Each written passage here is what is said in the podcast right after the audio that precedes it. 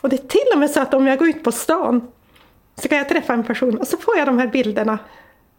Eh, vad de har i tankarna, bilderna på personer och händelser och sånt där. Kan du få det med oss? Eh, ja, lite grann.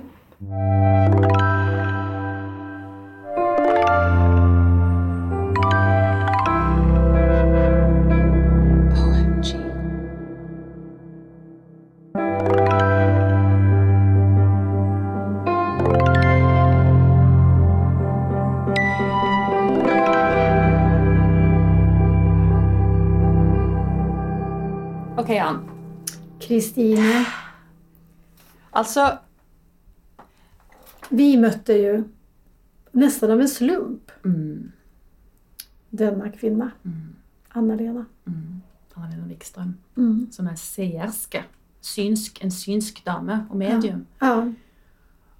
Og vi var jo på vei hjem fra et annet intervju Mm. eh, når du sier Og jeg, jeg var helt full i hodet og bare overvelda av den samtalen vi hadde hatt kvelden i forveien. Og så sier du Men jeg tror kanskje La oss ta et intervju på vei hjem. Mm. Med et medium, sier du. Og jeg bare Åh, Are you sure?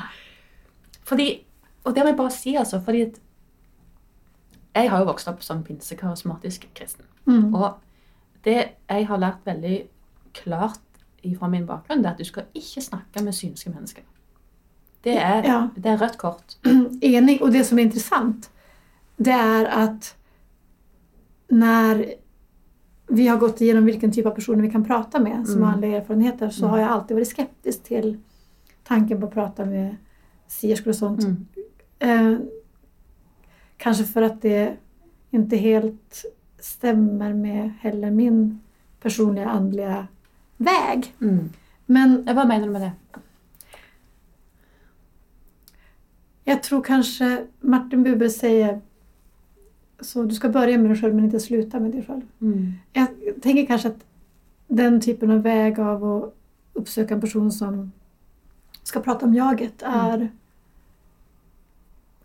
kanske lite för mycket fokuserad på individen Ja. än vad jag tänker att världen behöver just nu. Ja. Utan att därmed säga att inte människor som är i nöd behöver det, men det är inte Mm. min väg. Så det har vi brottats med Ja. på forskjellige måter. Ja, och jag måste också säga att jag är också fostrad i det att man inte ska prata med... Mm. Man ska, det står i Bibeln att den som tar del av spådom, det ska drabba ens barn i många generationer framåt. Vet ikke. Ja. Så det betyder att jag ville ju egentligen inte fråga någonting Mm. alls om mig själv Men, du hemma hos sierskan. Men, men det er interessant, for du ville møte henne. Ja, Så du lot det, du lot det falle på meg. men du fick ta blodskammen. Dette er interessant info. Dette visste ikke jeg. ok. Ok, Så det forklarer hvorfor jeg var veldig nervøs for å møte henne. Ja. Eh, Men det som skjedde, var jo at eh, For du var sånn Ok, men la oss bare prøve å ringe henne. Ja. Og nå vet jo jeg hvor vanskelig det er å få tak i henne. ja, väldigt svårt. Helt umulig, Ja. nesten.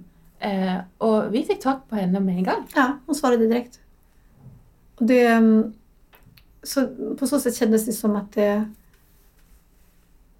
om man nu kan tro på mening i den typen av bemärkelse, Mm. så det kändes i alla fall meningsfullt.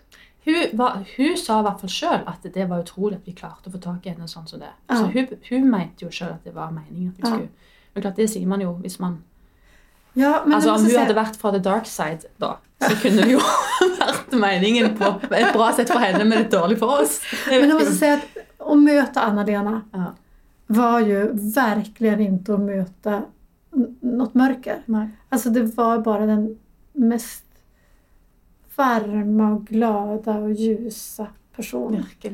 Med så mycket ödmjukhet och så grundad i, i, sin, i sina egna andliga upplevelser som hon hade haft ända sedan hon var barn. Ja. Og en kjærlighet og omsorg Ja. for andre Ja, mennesker. som jeg verkligen. Verkligen öppen och ljus person. Det, så oavsett vad man tror på när det kommer till hennes upplevelser så äh, tvekar jag inte alls när det kommer till att hon upplever det hon säger. Mm. Hon försöker inte lura någon. Ikke sant?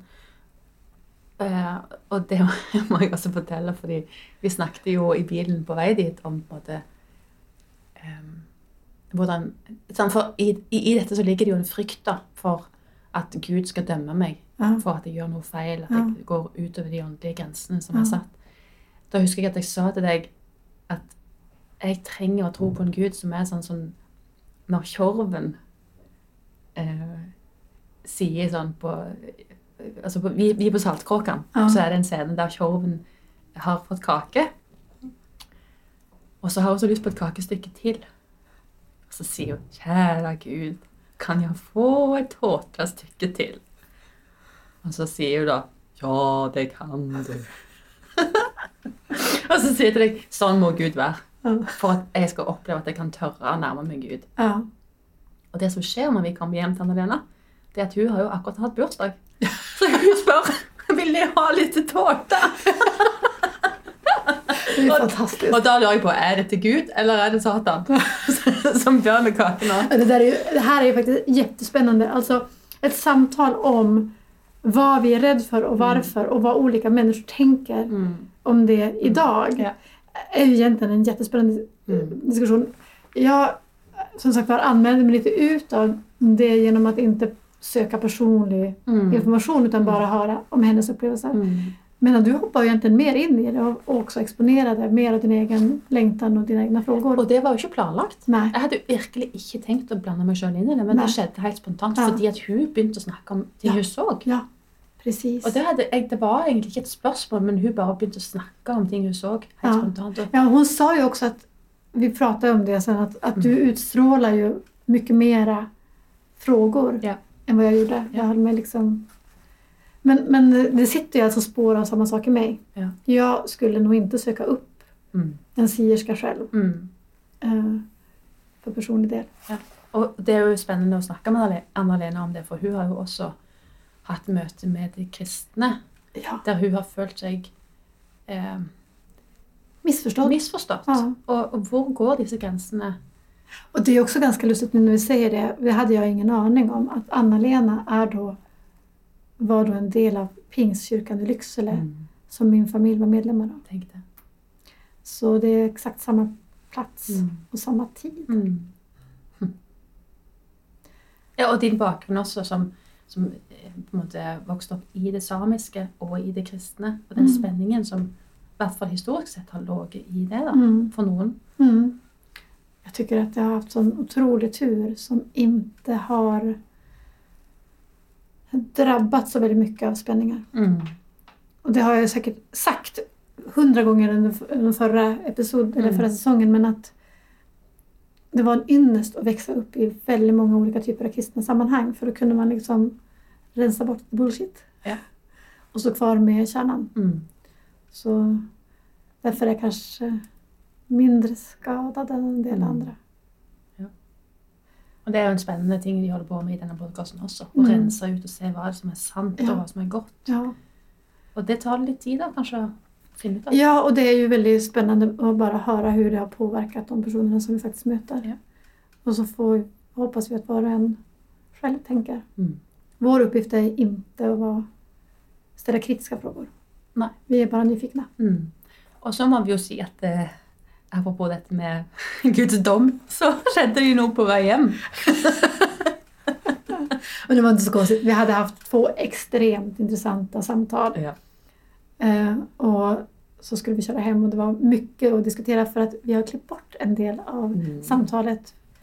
För det passar inte offentlighetens öron. Nettopp. Det är allt för personligt för, för det då. For Anna-Lena hun bare kjørte på. Ja, hon kom med massa information om ditt liv. Ja. Så, och det är klart att när man kör då därifrån så måste man få prata om den här informationen. Og jeg sitter da i bilen og, Ja. bak rattet og er full av bare Å, shit, hva har skjedd nå? Ja. Og prosesserer alt dette. Og så plutselig så merker jeg at jeg tråkker på gassen, men det virker ikke. så vi er på en midt ute på den svenske landsbygda, på motorveien. Det er kveld. Eh, Det är natt Det nästan. er natt nesten, Mm. og du skal hjem, for du skal tidlig opp dagen etterpå. Du har barn å ta deg av. Mm. Så går vi tom for bensin. Yes. Er det Guds dom, mann? Jag tänker att det var ett jättefint sätt för dig att få för din pappa att få dela sin kunskap och för de två flickorna som hjälpte oss att få vara generösa människor. Ja, for vi to engler, engler på veien. Ja. ja. Så det, det, det var en möjlighet till nya möten. Det kom to veldig skjønne jenter som akkurat hadde fått lappen. Ja. De kjørte og hentet bensin til oss. Och så- startade bilen. Og startet bilen med sånn startkabel. Og da hadde jeg min far på telefonen som, som leder oss kyndig gjennom alle prosessene. Men de, var ganska duktiga själva också. De Ja. hade klarat det utan din far. De hadde nok det. Men din, med all, all heder till din far. då. Alle skal med. Alla ska med. Ingen är med om inte alla är med. Yes. Ja. Nej men då så, då ehm, hoppar vi in i mötet med den här varma fina Anna-Lena.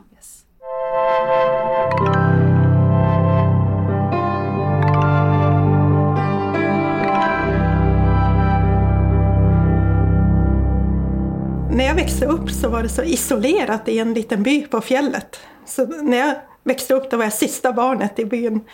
Och då eh, trodde de att det var något speciellt med mig eh, när jag föddes. Så då började de att berätta om eh, ja, vad förfäderna hade för förmågor och sådär. Och jag var ju jätteintresserad. Så, så då när jag hade andliga upplevelser när jag var liten, då tolkade de det som att jag var ju eh, kallad till en, ett visst eh, uppdrag nästan. Och det var att vara siare. Ja.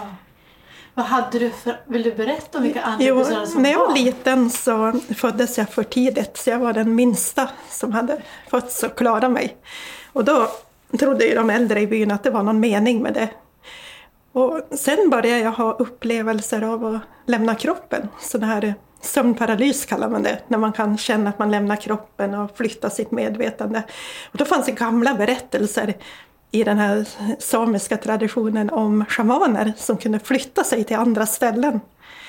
Och det fanns ju inte kvar när jag växte upp. Men då berättade de äldre att så gjorde den och den. Och, och det var ju då som en trygghet hos mig. För då kände jag att, att eh, det här var, in, det var lite spännande för det var lite annorlunda. När jag blev äldre då kom folk till mina föräldrar och började fråga om saker de hade tappat. Och så sa min mamma eh, Anna-Lena kan du hjälpa dem att leta rätt på den där saken? Eller hunden eller vad det nu var. Så jag tror att mycket av att jag började med det här, det var den kultur jag var uppväxt med. Så hade jag växt upp i, i stan tror jag inte jag har haft utvecklat de här förmågorna. Men når du sier at du kunne reise i Resa. bevisstheten, Ja, og når du kunne hitte saker som andre ja. hur, Konkret, hur, hur gjorde du det? Ja, egentligen så känner jag att jag hoppar ur min kropp känns det nästan som. Når du ligger og sover, eller?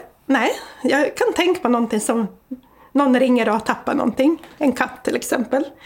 Då tänker jag intensivt på personen som berättar om katten. Och så i och med att de tänker på katten så kan jag få kontakt. Det är som att det slår ut en signal mellan personen och, och djuret till exempel. Och så kan jag känna, jag är på platsen. Alltså en del av mig är där. Och jag kan till och med känna dofter och jag kan känna liksom om det är fuktig, fuktiga löv på marken. Jag kan känna olika material och former och sådär. Och det är ju bara små glimtar så det gäller att fånga de här glimtarna eh, jättesnabbt. Och det, det är en träning man gör då som sierska och försöka tolka det man ser. Så första gången du hade en sån eh, resa i ditt medvetande, Ja. hur gammal var du då? Förstod du vad Eh, som det jag minns så var jag var kanske tre, fyra år när jag minns det tidigast. För då var jag jätterädd och, och ramlade ner när jag hade... Jag, jag kunde känna så här att jag låg i sängen och skulle sova. Och så tänkte jag när jag var... Jag kom ihåg det där att jag var fyra år, för när jag var fem år så flyttade vi sovrummet. Så jag visste att det var den åldern ungefär. Och då höll jag i min pappa i en hand och så höll jag i mamma i en hand. Och så tänkte jag, nu kan jag inte sväva upp till taket när jag somnar. Och så hände det i alla fall. och då var jag alltid rädd att jag skulle ramla ner. Så jag förstod inte riktigt att jag var utanför kroppen på den tiden. Men sen, när jag blev äldre, så blev jag tonåring och de här upplevelserna försvann mer och mer. Ända tills jag var 17 år. Då kom det tillbaka.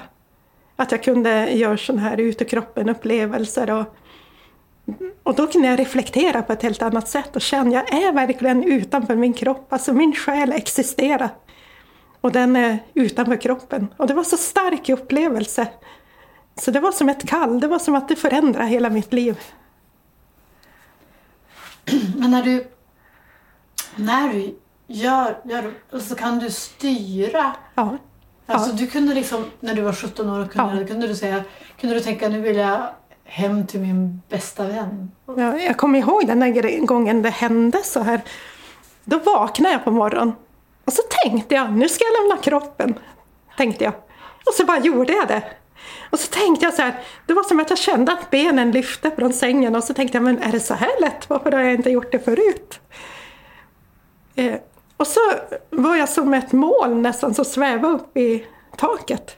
Och så tänkte jag när jag, när jag var där så tänkte jag, om det här är en ut ur kroppen upplevelse, då ska jag kunna se mig själv där jag ligger i sängen. Och så gjorde jag det. Och så tänkte jag, det här måste jag eh, kunna bevisa när jag, när jag kommer tillbaka. Så då flyttade jag mig och såg ner på ett bord. Så såg jag uppifrån hur allting låg på bordet och så tänkte jag, det här ska jag komma ihåg. Exakt hur allting låg så jag kan bevisa att jag verkligen har varit utanför kroppen. Och sen så var det som att jag drogs tillbaka till kroppen och slog upp ögonen. Och det var första gången då. Var det medvetande att du, att du drogs tillbaka eller var det något som Ja. skedde utan att du hade kontroll på det? Eh, Jag har ju inte kunnat kontrollera när de här, alltså när de här upplevelserna händer. Och inte när jag dras tillbaka heller, för jag vill aldrig komma tillbaka till kroppen när jag är i det tillståndet, för det är ju som den ultimata friheten. Och för mig var det en känsla att själen kan existera utanför kroppen. Hade du något begrepp om själ? Alltså vad hade du för andlig världsåskådning i det här läget? Eh, när jag var liten då berättade ju mina föräldrar och de äldre i byn om gamla människor som var... Det fanns healers som var jättesällsynt. Man fick åka till någon by långt borta för att komma till en gammal healer. Då. Ofta var det äldre personer då. Som, och så sa de när jag slutade, de, de höll inte på längre, fast om man pratade med dem länge då kunde de liksom ge en healing till slut. Och eh, så fanns det då vissa som var siare som hade den gåvan. Och då trodde man att man trodde att vissa kunde göra sig synliga på andra platser. Det var som en allmän tro att, att det fanns liksom olika världar i naturen. Det fanns olika heliga platser och det fanns olika eh, människor som levde som kunde göra sig synliga på andra platser. Det jag hade hört när jag var liten så sa man att eh, man måste gå igenom någonting i livet för att få ett kall. Och antingen så fick man ett kall till att vara till exempel healer och då blev man sjuk och fick, var tvungen att besegra det och då kunde man få kallet att bli helare då. Eller också kunde man få ett kall till att bli sierska och då var man då var, då var det som att man fick vänta på att det hände något övernaturligt för att veta att man fick det där kallet. Så nu tänkte jag, nu, är jag, nu har jag fått kallet, nu, då ändrar jag hela, mitt, eh, hela min plan vad jag ville jobba med tack vare de här upplevelserna. Vad ville du jobba med före dem då? Eh, Jag hade hittat på att jag skulle bli tolk och jag, skulle bli, jag hade faktiskt hittat på att jag skulle bli journalist och, eller socionom eller sådär. Och så tänkte jag, nej, jag ska jobba med andlighet. Mm. Så det där var på sommaren då när jag hade precis gått ut gymnasiet. Så då ändrade jag min plan och så började jag jobba inom kyrkan. För var du då kristen? Eh, nej, Nej. Eh, men eh, en grej som hände i de här upplevelserna jag hade haft så var det att jag kom in i en värld som bara var ren kärlek. Det var som en ljusvärld. Och i den här ljuset jag kom i när jag var utanför kroppen så kände jag att det var gestalter omkring mig som också var ren kärlek. Och då tänkte jag, det här är, det här är Gud, det här är Gudsvärlden. Och så när jag tittar på mina händer i den upplevelsen, då, då strålar de av ljus också. Så det var som att jag hade en ljuskropp och jag var helt omsluten av, som ett hav av ljus och kärlek. Så fint. Och då tänkte jag, då, då, är det, då är det andligheten och för mig var det ju kyrkan då, som fanns. Mm. Så vad hände då? Vad, vad gjorde du då? Eh, Då gick jag till Arbetsförmedlingen och så sa jag vill praktisera inom en kyrka. Då bodde jag i Lycksele, så den kyrkan som var störst där det var Pingstkyrkan, så då praktiserade jag där. Vad gjorde du där då? Eh, Jag fick följa en diakon och gå på hembesök och sånt där. Viss, avslöjade du då vad du hade för egenskaper? Ja, eh, på något sätt så visste alla det i något rykte att jag hade de här förmågorna. Och Hur kunde du, kunde du använda dem i praktiken då? Eh, eh,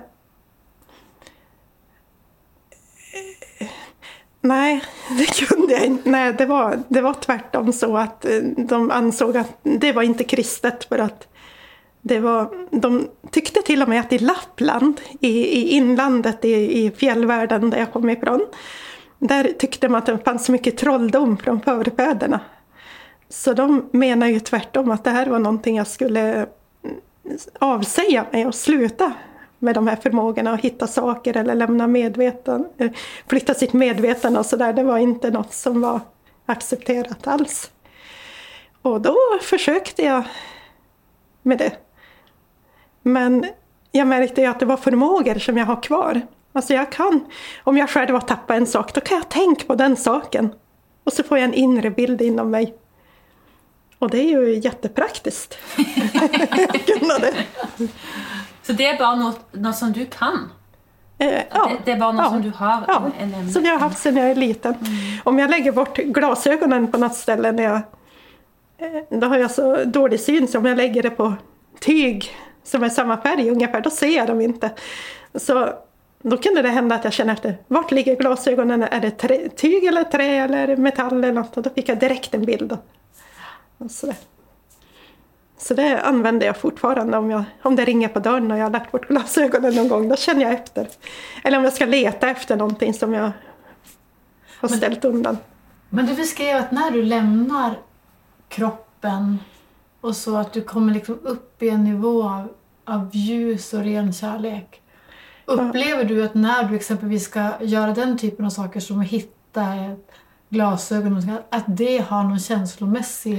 Eh, nej, det är en annan värld. Då tror jag att jag flyttar mig i den här världen. Ja. Men när jag kom in, in i den där världen av rent ljus och kärlek, då var det en annan dimension i världen.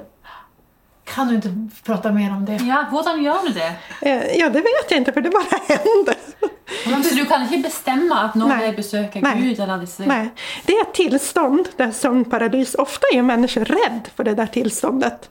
För att de upplever dåliga saker. Eh, De kan uppleva att det kommer någon och går in i rummet och tittar på dem och så vaknar man alltid och känner att man är förlamad. Man kan inte röra sig. Och så känner de att det ringer i öronen. Och de flesta blir ju rädda och så väcker de sig själv. Jeg har jo opplevd søvnparalyse noen ganger. Ja, Altså i den tilstanden der jeg kjenner at jeg våkner, så klarer jeg ikke å røre på kroppen. ja, ja For da, precis. da er liksom jeg midt mellom våken og Ja, ja, søvnig det är tilstand. det Og det er jo fruktansvært. Men, men Det det är är det bästa du kan vara med om. Om du kan istället tänka, nu ska jag lämna kroppen.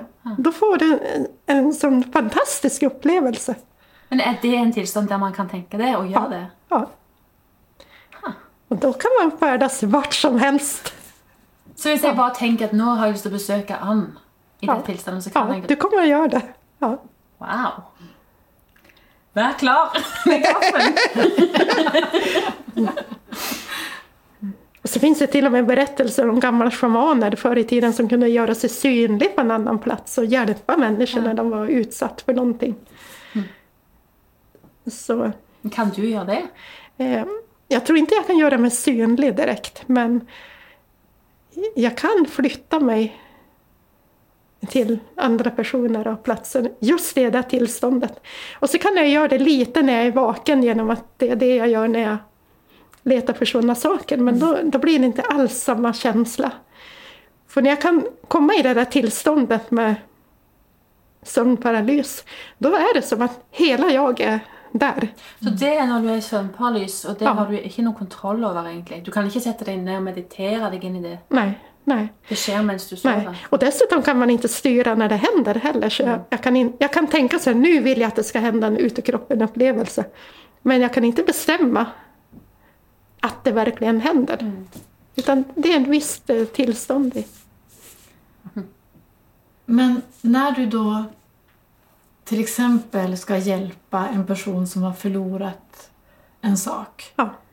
Du kan inte... Då är det så att du, som du beskrev det, som jag förstår det, så kommer du till platsen där den personen är och så kan du sätta Ja. dig i koppling till det föremålet. Ja. Men du kommer inte in i den personens psyke.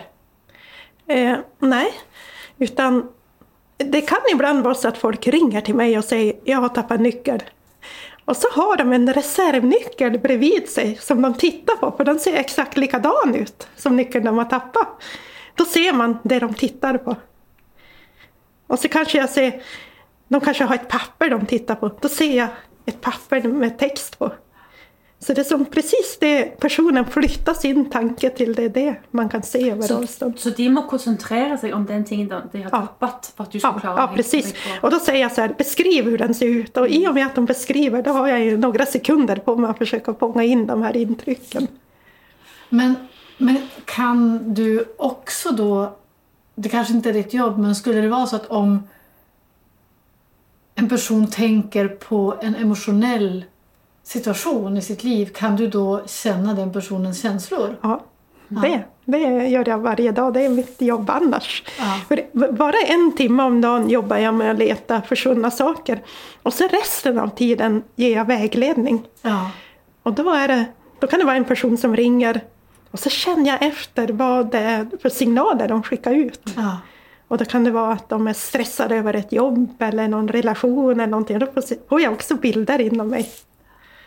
På personer omkring dem. Och det är till och med så att om jag går ut på stan så kan jag träffa en person och så får jag de här bilderna. Eh, vad de har i tankarna, bilderna på personer och händelser och sånt där. Kan du få det med oss? Eh, ja, lite grann. ja. Det så spennende. Men Og litt, og litt skummelt. Kan du, kan du se hva jeg tenker på? kan jag säga sen. jag ser det. Ja, ja, det Säg det. Vi kan klippe det bort hvis det blir for privat.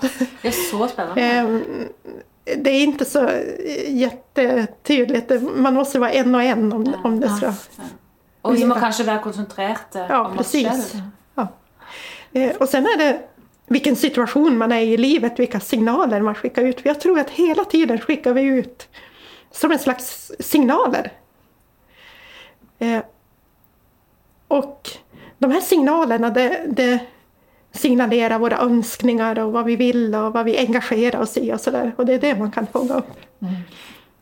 Kan jeg spørre om en ting? Tror du at det man sender ut av signaler Altså, Man snakker jo mye om, om vibrasjoner Ja. i New Age-miljøene. Altså, tror du at det er sånn at det jeg sender ut av ting jeg ønsker meg, eller tror, at det kommer å hende?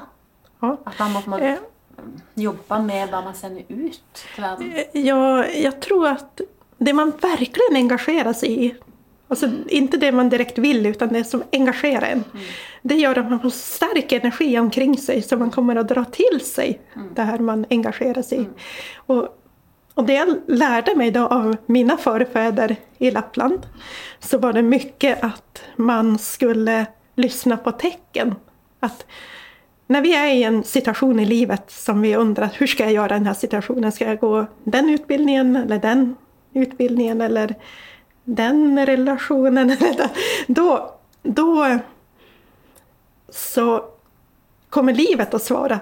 Då kommer livet att ge oss tecken på det som är rätt. Och när de här tecknen inte kommer, att det är något som händer, då är vi på fel väg. Då går saker ty- tyngre och tyngre och det går trögt att planera och sådär. Men saker, när det går lätt i livet, då är det som att då är vi på rätt väg. Säger man i den traditionen. Så tecknen, det kan liksom bekräfta att nu, nu eh, är du på rätt väg när du tänker på det här. Så det skal ikke være for tungt å leve, på et sett? Vad sa du? Det ska inte vara för tungt att leva. Nej, precis. Eh, när vi har förlorat energi, då är det något vi måste ändra på i livet. Och då går vi in på den lätta vägen igen. Finns det mörka andliga krafter? Du har, när du har lämnat kroppen så har du kommit till en ljus värld. Ja, ja. Finns det en mörk Eh, värld? Alltså jag, jag tror inte att... Jag tror att det vi får tag på är det som vi får tag på inom oss, som finns i fäste inom oss själva. Ja. Så om vi upplever mörker i den andliga världen, då, då är det för att vi på något sätt är rädda. Och då är det de signalerna som vi drar till oss, den frekvensen. Om vi då eh, det sa de också, de, de äldre i byn, de sa också här, så här att skulle man bli shaman eller nöjd, då skulle man inte vara rädd. För då, då var man ju utsatt för det man kunde liksom, om man var rädd då blev man ett offer för det man var rädd för. Var man inte rädd då klarar man allt. Och så tror jag det är, för jag har ju aldrig råkat ut för något negativt i den andliga världen. Nej. Och du har aldrig varit rädd? Nej. Men vad ska man göra om man är rädd då? Eh, Alltså mycket är ju filmerna, alltså hur de, hur de gestaltar eh, eh, döden i till exempel det okända att man ska skicka iväg andar till ljuset och det där tror jag är helt eh, fel. Därför att jag tror inte någon människa kan fastna i en mellanvärld och aldrig komma rätt. Utan jag tror att så fort vi dör, då kommer alla människor rätt. Alltså vi kommer till ljuset. Så de som, som upplever att ett ställe är hemsökt eller Ja, någonting, vad är det- det då? Det tror jag är eh, minnena som lagrar sig, alltså känslorna som lagrar sig på platsen. Och det är ungefär som man säger att eh, på en arbetsplats så kan det vara en dålig stämning för att det sitter i väggarna, säger man. Och jag tror verkligen det är så. Energin sitter kvar och kan påverka människor som bor där och så kan det flytta, till exempel i ett hus så kan det vara mycket konflikter i en familj och så flyttar de och så flyttar det in en ny som, och nya konflikter. Och då är det som att de har fångat upp energin på platsen. Och kan du hjälpa till med det till exempel? Ja, det, det går att göra. Då måste man skriva över energin, alltså få en bättre energi på stället. Men för det mesta måste man göra det själv, för man behöver antingen ändra på saker eller renovera eller få in så mycket glädje som möjligt och skriva över den dåliga energin. Och det brukar ta ungefär ett år. När man har flyttat till ett nytt ställe, då kan det ta ett år innan man känner sig hemma. Ja. Har ni känt det? Känns som att man inte riktigt bor där om man har flyttat in. ja, kanske. Jeg flytta jo i vår for, for noen måneder se- sen.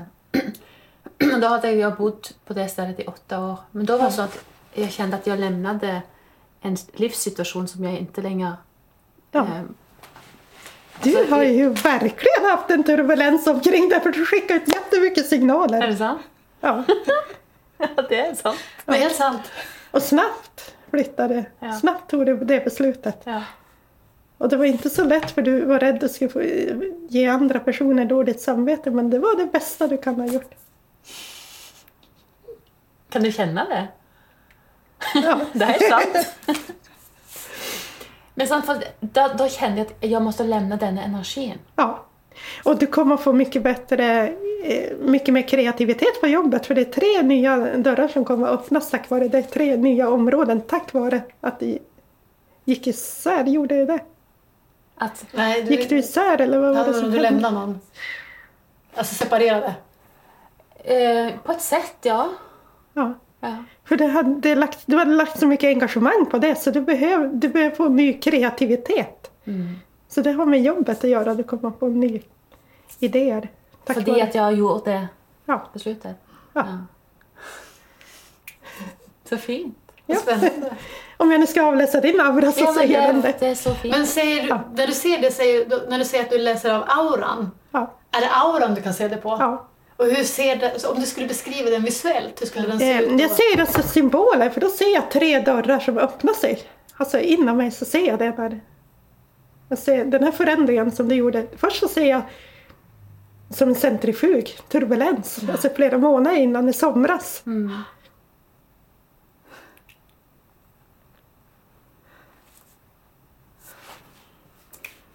Vad var det som hände? Nej, det är så sant. Men fortell mer, berätta mer. Nej men det var det jag såg.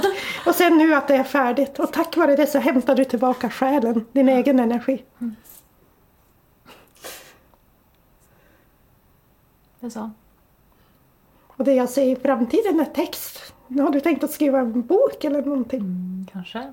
Ja. Sen var det ett av de där tre dörrarna som kommer att öppnas. Så det har med jobbet att göra tror jag. Ja. Kreativitet. Ja.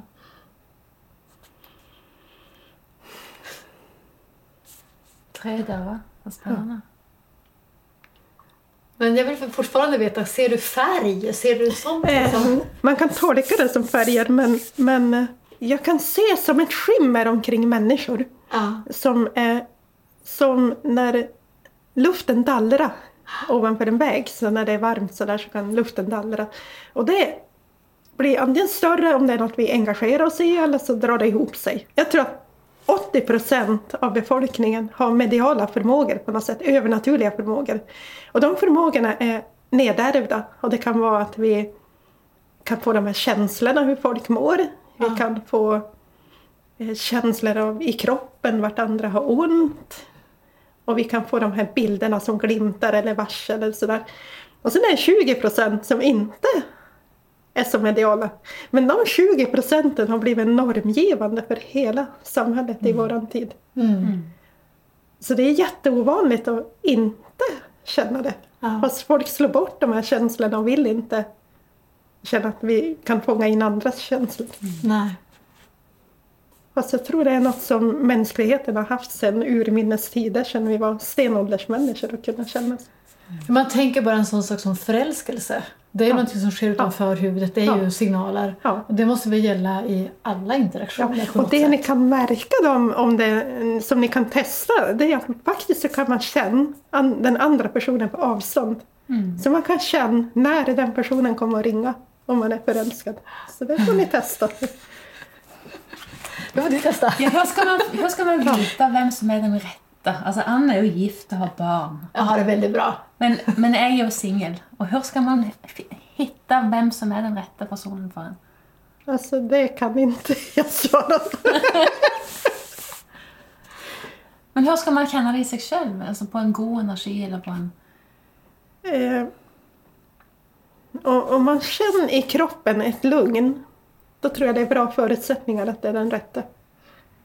Men om man känner att den personen man träffar upplever man så, så väldigt fantastisk, när man glömmer bort sig själv, då är det ett varningstecken. Så kroppen kommer alltid att tala sanning. Ger det dig kraft, då är det bra. Mm. Ett gott råd. Jag får fråga en helt annan sak. Nu hoppar jag lite. Men jag vet ju att Ja. du jobbade i Pingstkyrkan i Lycksele. Ja. Jag är för övrigt också uppvuxen i Lycksele så jag känner till Pingstkyrkan där. Ehm, men i den världen så var det ju mycket tungotal och helande möten. Och hur upplevde du det då? Alltså, jag upplevde egentligen att det var som att komma till ett annat, eh, ett annat land där de hade ett annat språk. Ah, ja. Samma sak de beskrev fast eh, på ett annat sätt. Samma upplevelse fast de beskrev det med andra ord. Så för mig var det ganska lätt att acceptera att det var samma sak. Ja. Men berätta vidare, vad hände i, i Pingstkyrkan och vad gjorde du vidare med dina gåvor? Hur, gick det? Mm, Då hade jag en tanke om att jag skulle jobba i kyrkan och jag skulle bli diakon. Det var, det var min största dröm att jobba med andlighet. Och, Mm.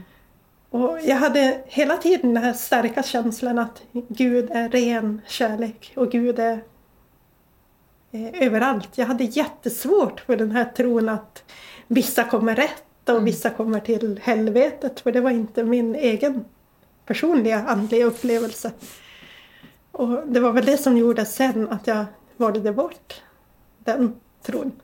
För till slut var jag tvungen att välja då. Men jag utbildade mig till diakon. Kan du jobba som diakon någonting? Eh, Ja, jag jobbade i Umeå ett år som diakon, men då var jag väldigt känd siare.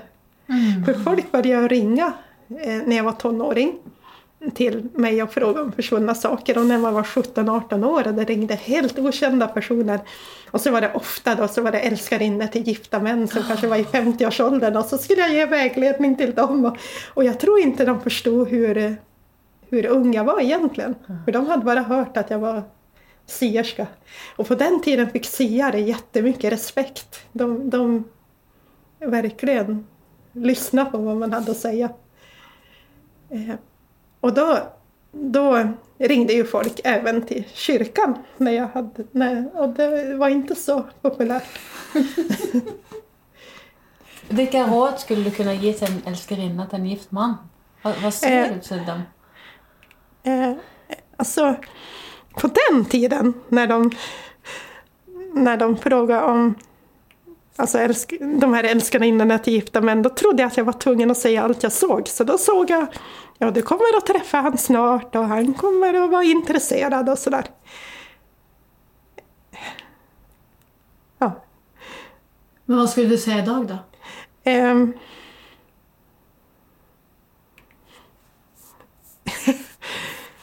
Eh, Det är jättevanligt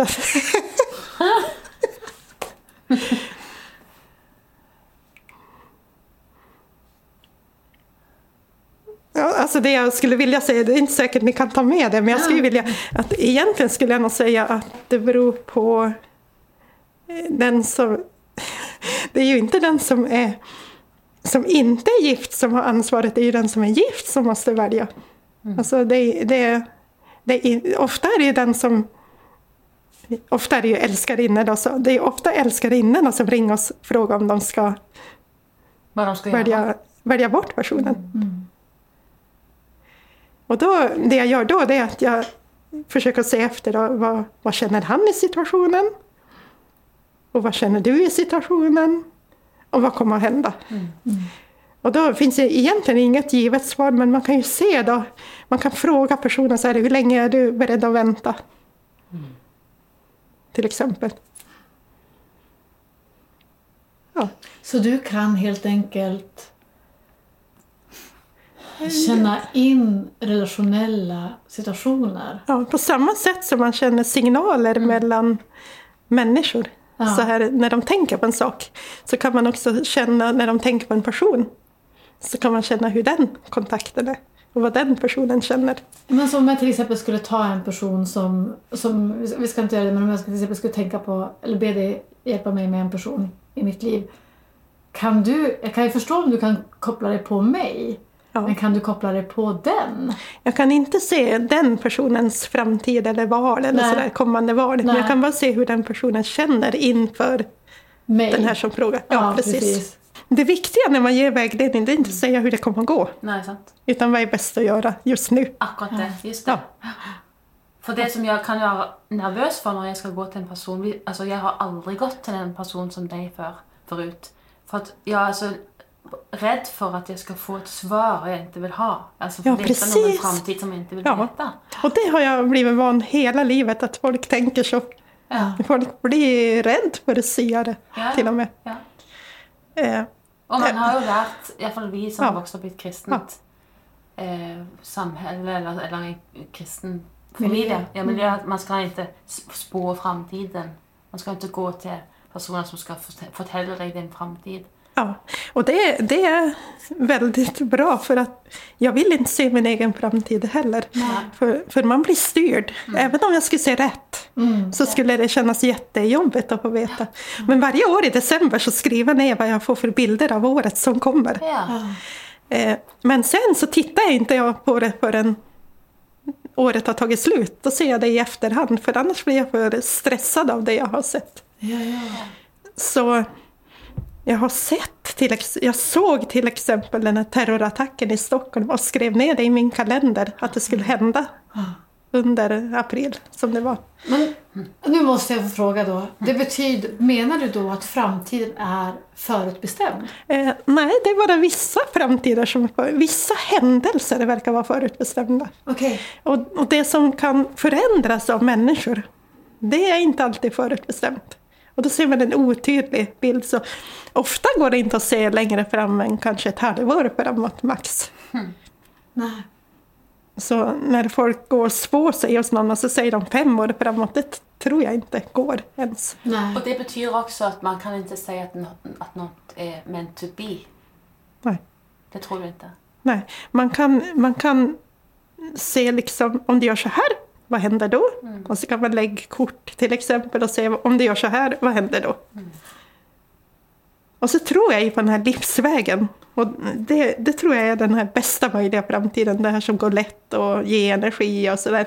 Och då, då är det en synkronicitet i livet, så då får man de här sammanträffanden och tecken och sånt där. När vi har kommit in på rätt väg. Som att vi fick tag på det idag. Ja, exakt, det är synkronicitet. Ja.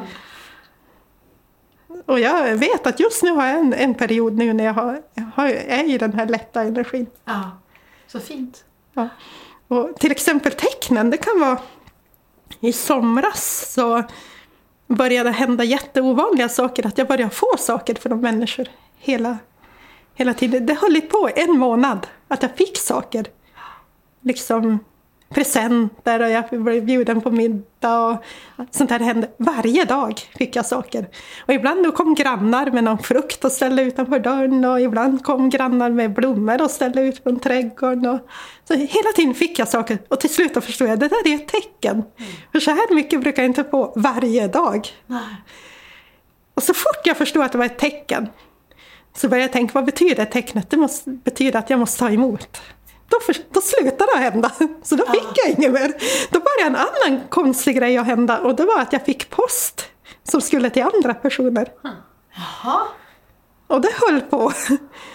Ända tills jag kom på, nu måste jag lösa den här gåtan, vad betyder det här? Och då var det inte att ta, alltså, inte ta på sig för mycket från andra personer, var tecknet. Så när jag hade löst det, då slutade posten att komma fel. Och det är sådana här vardagstecken som händer.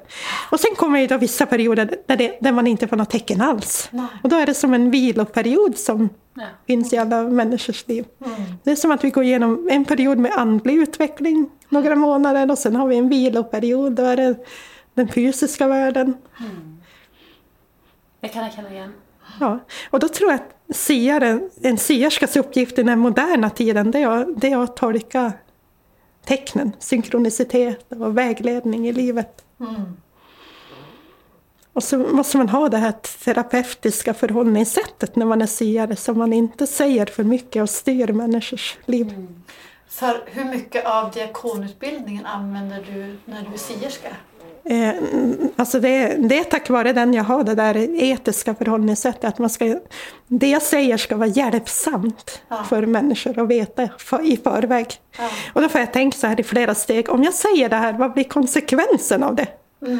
för den här personen? Mm. Så, så når du snakker om disse tre dørene for meg, så, eh, og, og den sentrifugen som jeg har vært gjennom, og det som skal åpne seg, det er jo bare gode ting, og det er helt sant. Men hur ska jag då eh, passa på, alltså hur, hur ska man passa på att leva så att man hittar sin livsväg? Du behöver inte göra någonting. För eftersom jag har sett det så kommer det att hända. Det är min tro. Alltså nu ser jag, det står som i början på tre nya dörrar som öppnar sig. Ja. Och sen så ser jag inte vad som är. Jag ser bara att du har, kommer ha kreativitet. Alltså du kommer ha mycket mer kreativitet än vad du har haft innan. Så man kan slappna av med, Ja, med det? ja. Ja.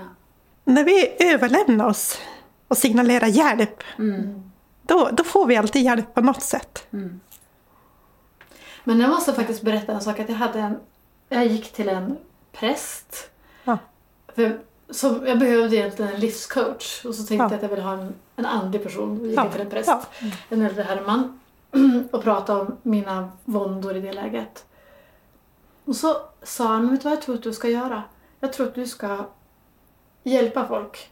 Alltså inte som, Ja. som kall, men, men det är det du ska göra nu för då kommer de andra bitarna falla på sin plats. Ja, ja exakt. Och, och så gjorde jag det. Ja. Och så känner jag att det stämmer. För nu har jag en sån volontärverksamhet som gör mig väldigt gott. Jag känner att jag är på rätt plats. Och då är det som att allting annat också liksom... Ja, Det är en helt, Ja. ett helt annat fält. Men det var det som var svaret Ja. på något sätt. ja. Och så tänker man förr i tiden, då, då gjorde de ofta sådana här resor, alltså pilgrimsresor eller så. Ja. Att, att eh, det var samma princip, att ju mer man överlämnar sig och gör något helt oväntat, då, Ja. då kommer livet att svara. ja. Det är väldigt fint. Ja. Ja. Så det är lite nyckeln egentligen, att lära sig att Överlämna sig och, och vänta och se vad jag får för svar av livet. Men får jag fråga, änglar, för du pratar om ljusgestalterna. Ja. Tror du på änglar? Eh, ja, jag tror att det var det jag såg i den här världen. Ja. Och när vi skickar ut en viss signal från oss själva, tror jag, vi skickar ut signaler. Och då är det en signal som är så ljus, så då svarar änglar. Och det är den här Hjälp mig. När vi verkligen kan överlämna oss utan att vilja bestämma. Då, då öppnar vi för en extra vägledning i Ja. livet. Så, men du kan inte se änglar liksom vandra omkring? Nej, inte till vardags. Men däremot så kan jag ibland se döda anhöriga som glimtar omkring. Ja, just det. personen. Som kanske bara är någon sekund, som en glimt. Man ser kontur av, Ja. av någon som följer en. Ja. Så du menar att de döda följer oss på ett Ja, sätt? ja. Och hjälper oss? Eftersom jag tror att själen är fri. Eftersom jag har varit med om de här upplevelserna av att leva utanför kroppen. Så tror jag att när vi är döda, då kan vi tänka oss vart som helst och komma dit vi tänker. Ja, ja, så du tänker att vi är... Eller, du behöver inte komma med någon teologi, men din upplevelse. Ja. Är det liksom att när vi har dött så... Vart, vart är vi då? Eh, Alltså på något sätt så är vi i ljusvärlden. Alltså i den här känslan av ren frid och ren kärlek. Och sen ifrån det här tillståndet så kan vi tänka på en person och dyka upp där. Ja. Och precis som vi kan tänka på dem och kalla på dem hit. Så du, jobbar du också då som medium som pratar med döda? Ja. Eh, Jag kom på det när jag var diakon, hur jag ska göra. Jaha. Och då var det så här. då var det så här när jag kom på att jag kunde kommunicera med eh, eh, döda. Då, när jag var liten så fick, fanns det mycket berättelser om att det fanns olika världar, olika dimensioner. Och eh, det fanns eh, världar som var naturväsen som existerade tillsammans med människorna.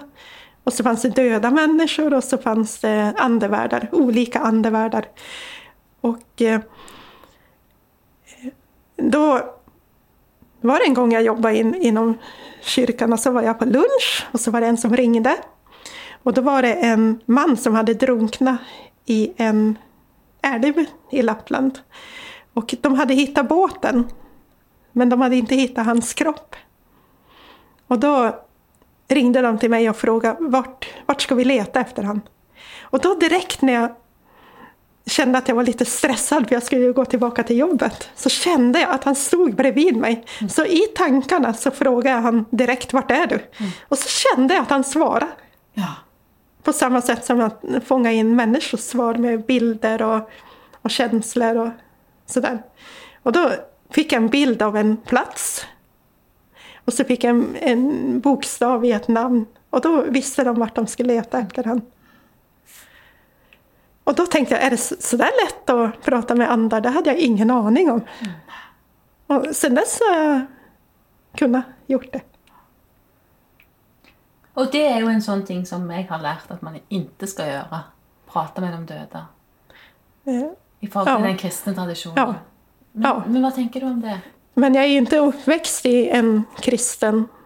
Eh, mina föräldrar är ju inte kristna, så de hade ju en helt annan tro på att man kunde se död. Det är till och med så att man trodde att alla människor kunde se döda ibland.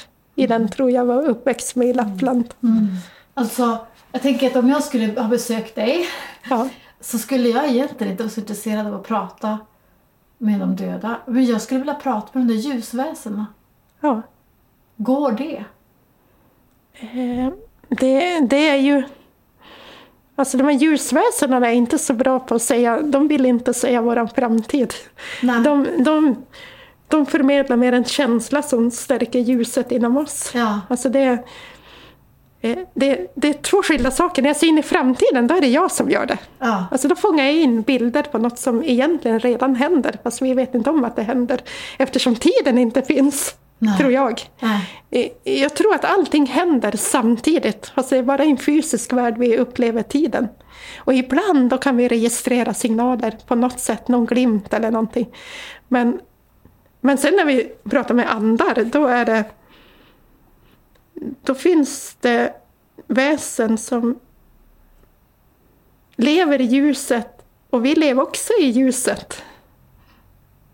Som en ljuskropp inom oss. Och de försöker stärka den här känslan av att du mening och du har en livsuppgift och du har en livsväg. Och är det en person som sörjer väldigt mycket då har man ofta de här ljusgestalterna omkring sig, änglar och sådär. Mm. Som ska trösta. Ja, Fint. som vill påminna oss det här är en del av livet eller det här eh, ljuset finns inom oss alla.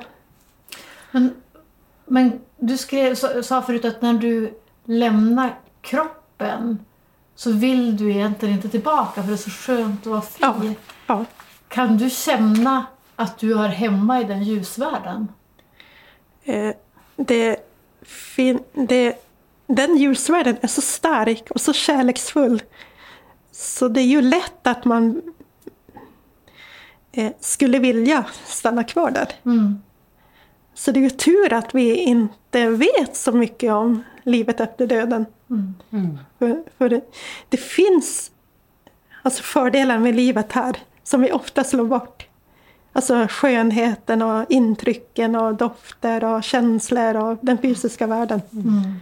Och det alla andar brukar säga till människor, det är att eh, ta hand om dig själv. Alltså försök att få så bra liv som möjligt. De säger aldrig att du ska jobba mer eller prestera mer, utan de säger stressa mindre och ta det lugnt och upplev så mycket som möjligt. Så fint. Så vi har en unik potential som människor att leva. Om Ja. vi skulle verkligen förstå det. Men för att, or- orsaken till att jag frågar är nämligen att jag har ända sedan jag var liten haft en så stark längtan hem. Ja, Och Ja. med det, alltså, jag har känt att jag har hemma en annan plats. ja. Och att det har nästan... Då, nu då tror jag att du har ett minne från ljusvärlden också. jag på något sätt tror att jag Ja. har det. Ja, Och nu är, har jag så bra. Nu har jag Ja. alltså, ett Ja. fantastiskt liv. Så nu har jag släppt... Nu är det inte längre en börda. ja, Men det har liksom varit en sorg i princip. ja. Att jag lever. Ja, så har det varit för mig också. Man vet liksom, vi försöker få det i glimtar ibland, det här Ja. rena kärleken och ljuset och Ja. kraften som finns där. Och det finns ju massa av det. Eller, och vi ska ju också skapa det här. Så, Ja, det var nog därför jag sökte mig till kyrkan, för jag tänkte där finns det här andligheten. ja. Och det är därför jag jobbar med andlighet nu, för det, det är liksom det närmaste vi kan komma ljuset i den här världen. ja. Då får jag fråga Gud. Hur förhåller du dig till begreppet Gud? Eh, alltså för mig så upplever jag Gud som väldigt stark, positiv och helande kraft. Alltså, ja, Är det en ren, kärlek. Gud? Alltså, jag upplever Gud mer som en kraft som som styr liksom det här med livsuppgift och livsväg. Och, Jesus då? eh, jag har ju lite svårare med Jesus på grund av att eh, jag valde ju bort den tron. Jag har lättare för att tänka Gud som en del av, av allt. Ja. Men eh, Jesus blir så förknippat med de här reglerna som fanns i kyrkan. Så att det, är som att hela budskapet har blivit kidnapp, kidnappat av människor. ja. Alltså det finns ju människor som kommer som har en kristen tro. Och då brukar jag inte använda tarotkort. Nej. Inte kristallkula heller. Nej. Men ibland när det kommer andra då kan jag behöva ställa fram en kristallkula för att de ska kunna öppna sig och slappna av och sådär. Just det. Men, ja. Det, men det ble jeg veldig nysgjerrig på. Altså, Krystallkuler. Det, det går att använda. Er Då, då ser jag inre bilder. Jag tittar på den och så ser jag det här blänket i, när man tänder ett ljus och så blir det som ett blänk i kristallkulan. Och det är det som har lättare att göra att man skapar de här inre bilderna inom sig. Fast man behövde inte. Ha. Ja, jeg tenker på det med tarotkort, for eksempel. Det är jättepraktiskt med tarotkort. För varje kort symboliserar en aspekt av livet. Men det var också så här att det var jättedåligt att ens äga en tarotkortlek när man hade bakgrund inom frikyrkan. Så det tog mig många år innan jag började kunna lägga tarot, tarotkort. Men hur funkar det? Altså, er det sånn at Får du veiledning indre Altså, at de kortene som kommer Ja, korten kan betyda så mycket. I, i, ett enda kort kan betyda kanske hundra olika saker. Så ett kort kanske bara betyder, ett kort kanske betyder ny början. Och då får jag själv se efter och inom mig. Vilken ny början? Vad får jag för bilder? Och ett kort kanske betyder givande och mottagande. Och så ser jag efter vilka bilder får jag som handlar om givande och mottagande. Så det är tillfälligt vilket kort det är. Men du brukar Ja, det som ett ja precis. Så skulle jag lägga kort åt mig själv, då får jag inga bilder alls. För jag sätter, ett hin jag sätter en gräns för att jag inte vill se min egen framtid. Nej. Och jag har bestämt mig att jag inte vill se till exempel sjukdomar och dödsfall och sådär. Och då ser jag aldrig det. Nej. Så det kunde man bestämt för sig själv också. Ja, det är som att man sätter filter. Hur mycket vill jag registrera Ja. av de här Men så, det signalerna? betyder att och när, man, när man lägger tarotkort så handlar det om framtiden? Ja, eller det kan handla om hur upplever du i situationen nu och hur Ja. upplever den här personen situationen. Just det. Men kan, man, kan du göra saker som går bakåt i tid? Låt oss säga att man skulle vilja veta någonting från tiden som är preverbal, när du är Ja. bebis. Kan, kan du hjälpa en tillbaka till det?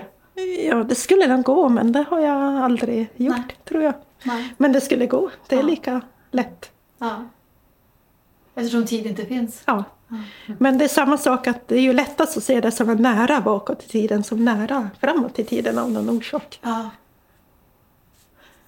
Men vad tänker du om sådana saker som, som är omöjliga att svara på, men som exempelvis allvarliga tragedier? Att ett barn dör? Ja. Eller, Ja. alltså har du någon form av upplevelse kring sådana saker? Vad meningen med det är? Eller? Eh, alltså jag tror inte... Jag tror att varje människas liv är, är förutbestämt eller livsväg är förutbestämd. Ja. Till och med innan vi föds så verkar det vara förutbestämt att just den här personen ska födas in i den här familjen. ja. Men hur kommer det med fri vilja in då? Men, men alltså det går inte att säga riktigt om... Vi ska säga sjukdomar eller dödsfall. Det går inte att säga att det är meningen. Nej. När, när min pappa dog, då berättade han att han hade fått... Eller innan han dog så, så var han väldigt nära döden. Så att han trodde att han fick extra tid. Alltså att hans tid var förutbestämd. Och så fick han, och så överlevde han så han fick som extra tid. Ja. Så man kan påverka Ja, det sin tror jag. livsväg. På något sätt. Men vad tänker du är meningen med livet då? Eh, alltså, jag, tr- jag tror att meningen med livet är att uppleva och inte värdera. Alltså uppleva så mycket som möjligt och ja, se att vi är ett och vi hör till en större helhet. Vilken är den större helheten? Eh, Alltså jag tror att vi kommer att bli ett med alltet till slut när det är färdigt. Att vi samlar på oss erfarenheter, liv efter liv till och med. Mm. Att jag har levt förr också? Ja. Att vi får Ja. nya liv? Ja. Men kan du då uppleva att den, vi föds ju in med personligheter, det vet vi alla som från oss själva men också som vi har barn. Alltså Ja. de kommer ju som de kommer på sätt och Ja, vis. ja. Men är det då kopplat till tidigare liv? Jag tror att alltså vi vet så lite om livet för ja, livet. Jag tror att vi, vi kommer från ljusvärlden. Ja. Eh, och vi träffar vissa personer vi har känt i tidigare liv. Men det, det är egentligen inte det viktiga utan det viktiga är ju liksom att vi tror att ingenting är bättre eller sämre än något annat. Nej. Alltså, vi kan inte värdera det vi är med om i bättre eller sämre för allting har ett värde. Och, och egentligen är livets mening mer att vara så nöjd som möjligt. Det är det enda vi kan sträva efter, att vara så nöjd som möjligt just nu för det är det enda vi har egentligen. Det är väldigt fint. Ja, Påminner också lite om Martin Lönnebo. ja det kan jag tänka mig. Ja. Alla tänker. Men hva slags, hva slags ehm, Nå har jo du hatt din egen virksomhet i mange år. Hva slags eh, forhold har du til kirken i dag? Og, og har du noe dialog type med kirken eller med kristne? Eller? Eh, Jag, jag kan ibland gå till kyrkan. Och, men jag har ju inte den tron som står i Bibeln. Så jag är inte med i någon... I, jag skulle inte definiera mig som kristen, Nei. till exempel. Fast ändå så tror jag att jag är kristen om jag ska vara riktigt ärlig. Men ingen annan skulle definiera mig som kristen. Ja, hva legger du i det? Hva, hva Eh, mener du med det? Eftersom jag tror att Gud är ren kärlek. Och att eh, jag har ju bestämt mig för att leva andligt och öppna mig för Guds världen och öppna mig för vägledning och, och, och liksom till och med jobba med det. Så på det sättet så tror jag att jag är nära Gud. Hva er bønn? Og kan man be? Og hvor skal man be? Og... Eh, Alltså jag brukar be. Eh, Och då är det att jag ber om hjälp att komma in på den där rätta vägen eller be om hjälp om någonting går trögt i livet, att jag ska hitta den där lösningen. Men får jag fråga, kan man be för... Andra personer. Eller? Man, någon- ja, precis som man har någon som Ja. lider mycket omkring Ja. sig. Ja, Ja, och det hjälper. ja, det tror jag absolut. Kan du da kjenne at nå hjelpte det? Altså du kan slippe nå? Slippe? Ja, jag tror till och med man kan känna det på avstånd. Det är som att vi kallar in ljusvärlden, ljuset, till den personen. Om vi har kontakt genom de här signalerna så har vi kontakt hela tiden med de vi engagerar oss i, även på avstånd. Så man kan sende god energi? Ja, Eller sende ja ljus? och de kommer känna det. Men jag har en fantastisk person i mitt liv som är min styvmamma. Eller Ja. min mamma, men hon är inte min biologiska mamma. Hon är, en, hon är ju dotter till en pingstpastor och eh, lever helt i den traditionen. Och hon är en fantastisk bederska. Så om det är någon som behöver hjälp med någonting så är det bara att ringa till min mamma för att av Ja. någon anledning så när hon ber så blir Ja. det så Jag bara ryser när du säger det. Ja. Och hon... eh, Det där är en gammal tradition och det är synd att folk inte vet om det. Nej. Nej, eller hur? Ja. Det är som en andlig sån här förmåga som folk skulle behöva veta om att det finns. Ja. Eller hur? Ja. Och då spelar det ingen roll vilken teolog Vilken religion eller är. någonting. Nej. För hon har full kontakt med... Ja, ja. Och ibland ser man det att de har som ett ljus omkring sig, de här människorna som har varit på retreat eller de har eh, varit i stillhet och, och bett länge så är de närmare ljusvärlden. Fint. Hvor skal man hitte balansen mellom å være i det åndelige og det verdslige? Alltså jag tror att det är det som är hela livet. Vi kommer aldrig att hitta den balansen. Men hela livet kommer att sträva efter att hitta det. Ja.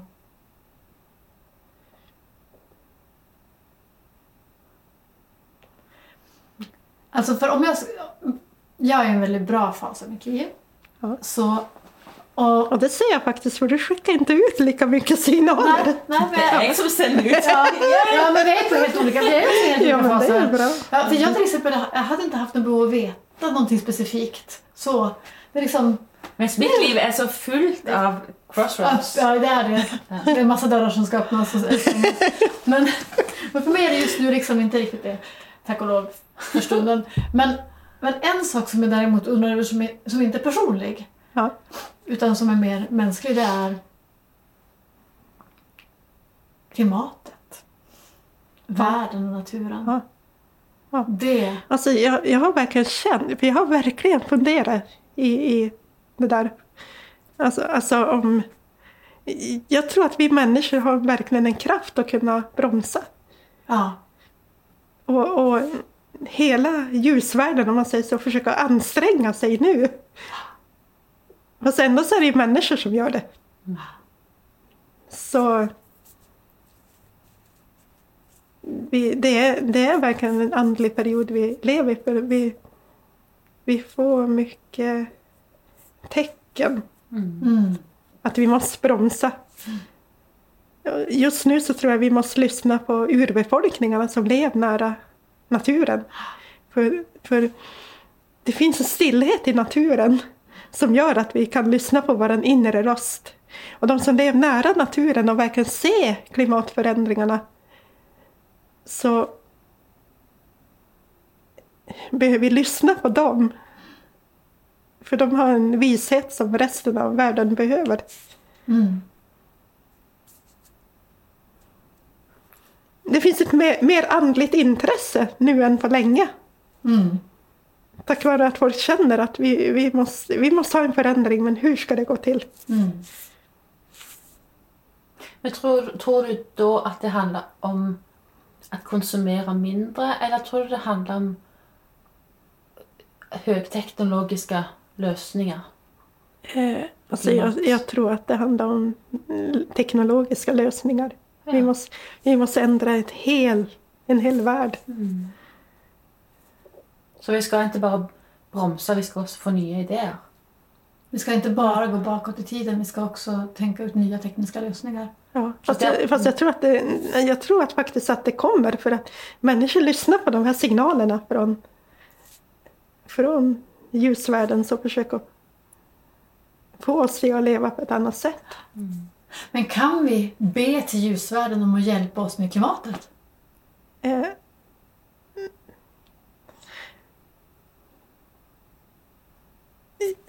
Ja, vi behöver inte ens be för att om vi tänker att- att Gud eller den här andliga världen vill oss väl Ja. så försöker ju det som jag kallar ljusvärlden att ge oss signaler hela tiden. Så här är ett bättre sätt att leva eller känna. Mm. Och sen är det ju upp till oss om vi lyssnar på det eller inte. Så det är inte, det är inte givet att Nej. planeten överlever. Nej, nej. Eller, eller vi som Nej, art precis. Det beror på hur människor verkligen lyssnar. Om det är nog många som lyssnar på de här signalerna att nu måste vi få en förändring, då kan vi ju förändra. Mm. Så att du säger att du måste ha kanske bara tio minuter eller på en dag att, att Ja, känna ja efter. för att känna efter. Men vad andra saker är det du gör i ditt liv som gör att du klarar att lyssna? Eh, Sen så tränar jag på att känna efter också. Jag tränar på att känna efter. Om det är någon som ringer, då känner jag efter. Vem är det? Mm. Och så känner jag efter. Vilka bilder får jag när, eh, när någon ringer? Då känner jag efter. Vad är det de vill ungefär? Och så kan jag träna på, om jag går på stan, då känner jag efter. Vart ska jag gå för att hitta det jag söker efter? Jag kan träna och känna efter. Vad är bäst för mig att tänka på idag? Och ska jag skriva ner det? Eller vad är bäst för mig att tänka på imorgon? Och då, då tränar jag upp de här mediala förmågorna som jag tror är medfödda hos människor. Vad med, vi har pratat lite om det idag, det är att, att ha människor runt sig. Det är att vara mycket ensam. Ja. Hur, hur är det, påverkar det? Eh, Jag, jag tänker att vi, vi fångar in signaler. Alltså, Mm. vi kan träna oss att känna vad andra känner och sådär. Och, och, alltså vi behöver människor omkring oss. Vi, vi kan till och med fånga in en signal. Om vi känner att om vi går på ett köpcenter och blir väldigt trött eller att vi känner att åh, vad människor mår dåligt omkring oss. Då är det ett tecken på att har vi för lite energi. Ja. Så vi, vi använder andra människors energi för att fånga in vad vi själv behöver. Ja. Så om, om ni går någonstans och så känner man att eh, oj vad folk mår dåligt här. Då kan det vara så att vi är intonade på den frekvensen. Ja. Så om vi själv mår bra då kommer vi att avläsa alla som mår bra omkring oss. Ja. Ja. Så det är också som en signal. Det här behöver jag mer av om jag börjar tycka att människor är stressade eller mår dåligt. Eller, då, då är det ett tecken, nu behöver jag själv ta det lugnt. Ja. Mm. Men det kan jeg kjenne igjen fra Ja. turen vår. At Ja. jeg blir sliten av å gå på kjøpesenter. Ja, ja precis. Men da er løsningen at jeg skal være mer ensom, da. Ja. Og lade mine Ja. batterier. Ja. på et sett. Ja, för då behöver du fylla, fylla dig med energi som är bra. Ja. För då har du tömt dig på energi från människor istället. Så det handler kanskje ikke så mye om å være introvert eller ekstrovert, men, men energinivået. Det är energinivån. Ja. Hva er det som gjør at man kan ha kontakt med Gud? Att man vill ha det. Altså, hur, hur åpner Ja. man for Gud? Ja, precis. Hur, hur man... Man måste ha varit med om någonting, tror jag. jag. Jag hade ju de här upplevelserna av ren kärlek och som ett hav av kärlek. Mm. Så den, den... Även fast jag nu tänker att jag, jag tror inte på något alls av de här reglerna som fanns inom kristendomen så tror jag ändå på den här rena kärleken och vägledningen och meningen med livet. Men vad frågan, när vi kollar på din hemsida så har du många olika typer av tjänster Ja. som du erbjuder folk. Ja. Du har liksom... Men, men är det mest till för andra? Alltså att de ska kunna hitta en modell som fungerar för dem? Och du oavsett har samma typ av kontakt med, med ditt kall? Eller är det så att du kopplar på olika delar av ditt jag för att använda tarotkort vid ett tillfälle och ängelmeditation vid ett annat? Ja, precis. Så Ja. tror jag det. Jag, jag, tror att, jag tror att ibland så har vi kontakt med en andlig värld. Alltså det viktigaste som gör att jag vill jobba med det här, det är att vi ska känna att vi är vägledda. Och, att, och andligheten ska inte bli ett jobb egentligen. Nej. Utan andligheten det ska vara ett sätt att leva. Där vi kan ställa inre frågor och tolka svaren. Och, och får vi den här tiden till att känna efter och lyssna inåt och sådär. Då, då får vi ett bättre liv. Och om alla människor gjorde det. Då skulle vi kunna då skulle det kunna bli så mycket bättre för väldigt många. Vi skulle inte ha samma ensamhet i världen om folk kände efter och avsatte tid att känna efter vad behöver människor omkring oss och sådär. Och vi skulle inte få samma utbrändhet för vi skulle känna efter nu hittar jag min gräns. Eh, och nu har istället andligheten även för siare blivit, en, blivit ett yrke. Mm. Eh, Så det är ju lite synd. För på ett sätt vill man att det här med siare ska vara som en gåva som man kan använda sig av. Eh, fast nu är det ju nu är det så få som har det så nu är det ungefär som att vi har en mus- musikalisk begåvning. Så är det att vara siare. Då, då kan vi ta betalt för det och jobba med det. Fast det vi egentligen strävar efter är att alla ska ha lite av det här så det inte skulle behövas siare på samma sätt. Nej. För det är så oändligt stort behov av människor som behöver hjälp Ja. hela tiden. Ja. Och de behöver bli sedda och bekräftade och sådär. Och då är min vision att det ska finnas som grupper i, i samhället där folk fick träffas och prata om andliga frågor eller ungefär som en podd. Ja? Ja.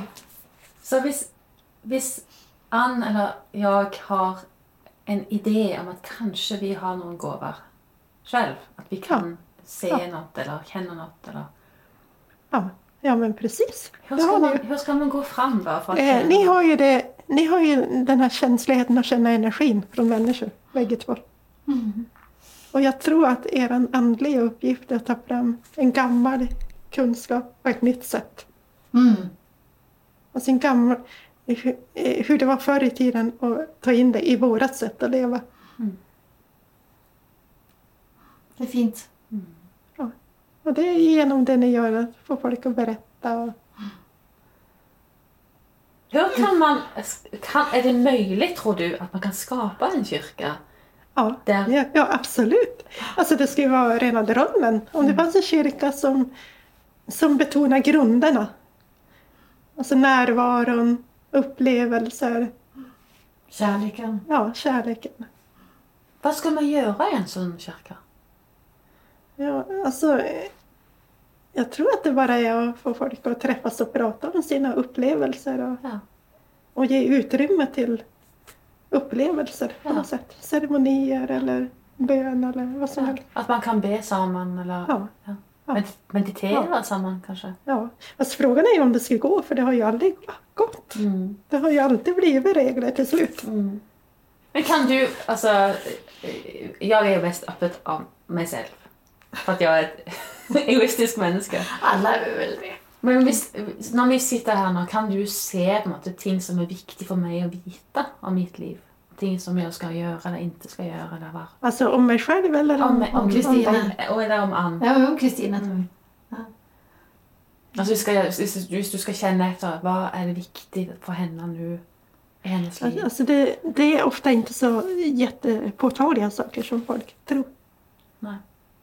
Ofta kan man se, som jag ser det på dig, du är på rätt väg. Du har gjort ett val nu, det är det bästa du kan ha gjort. Ja. Ungefär så. Ja. Och det känner du för mig? Ja. Vad härligt. det är jättehärligt. Och för dig, så ser, för dig så ser jag faktiskt film. film. Jag, ser, jag fick en bild av berg och vacker natur, det måste vara Norge. Alltså en naturfilm, fast inte riktigt eh, naturfilm ändå, men en plats och en film. Du är, det är helt rätt. Jag håller på med min första långfilm. Håller du på med den? Ja. Det kommer, vara vack, det kommer vara sån här, vad heter det, fjord och så berg och vacker natur där.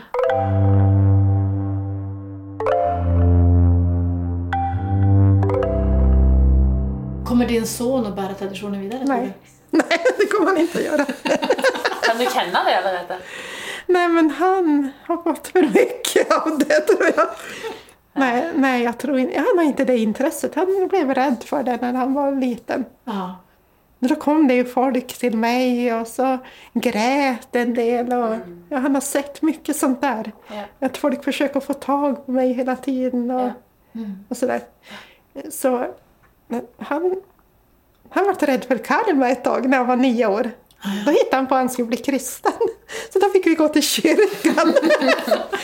då köpte han en t-shirt med I believe stod det på t-shirten. Och då var han kristen ett tag. Och så tyckte han att eh, då slog karma till för hårt så då bestämde han sig för att vara ateist.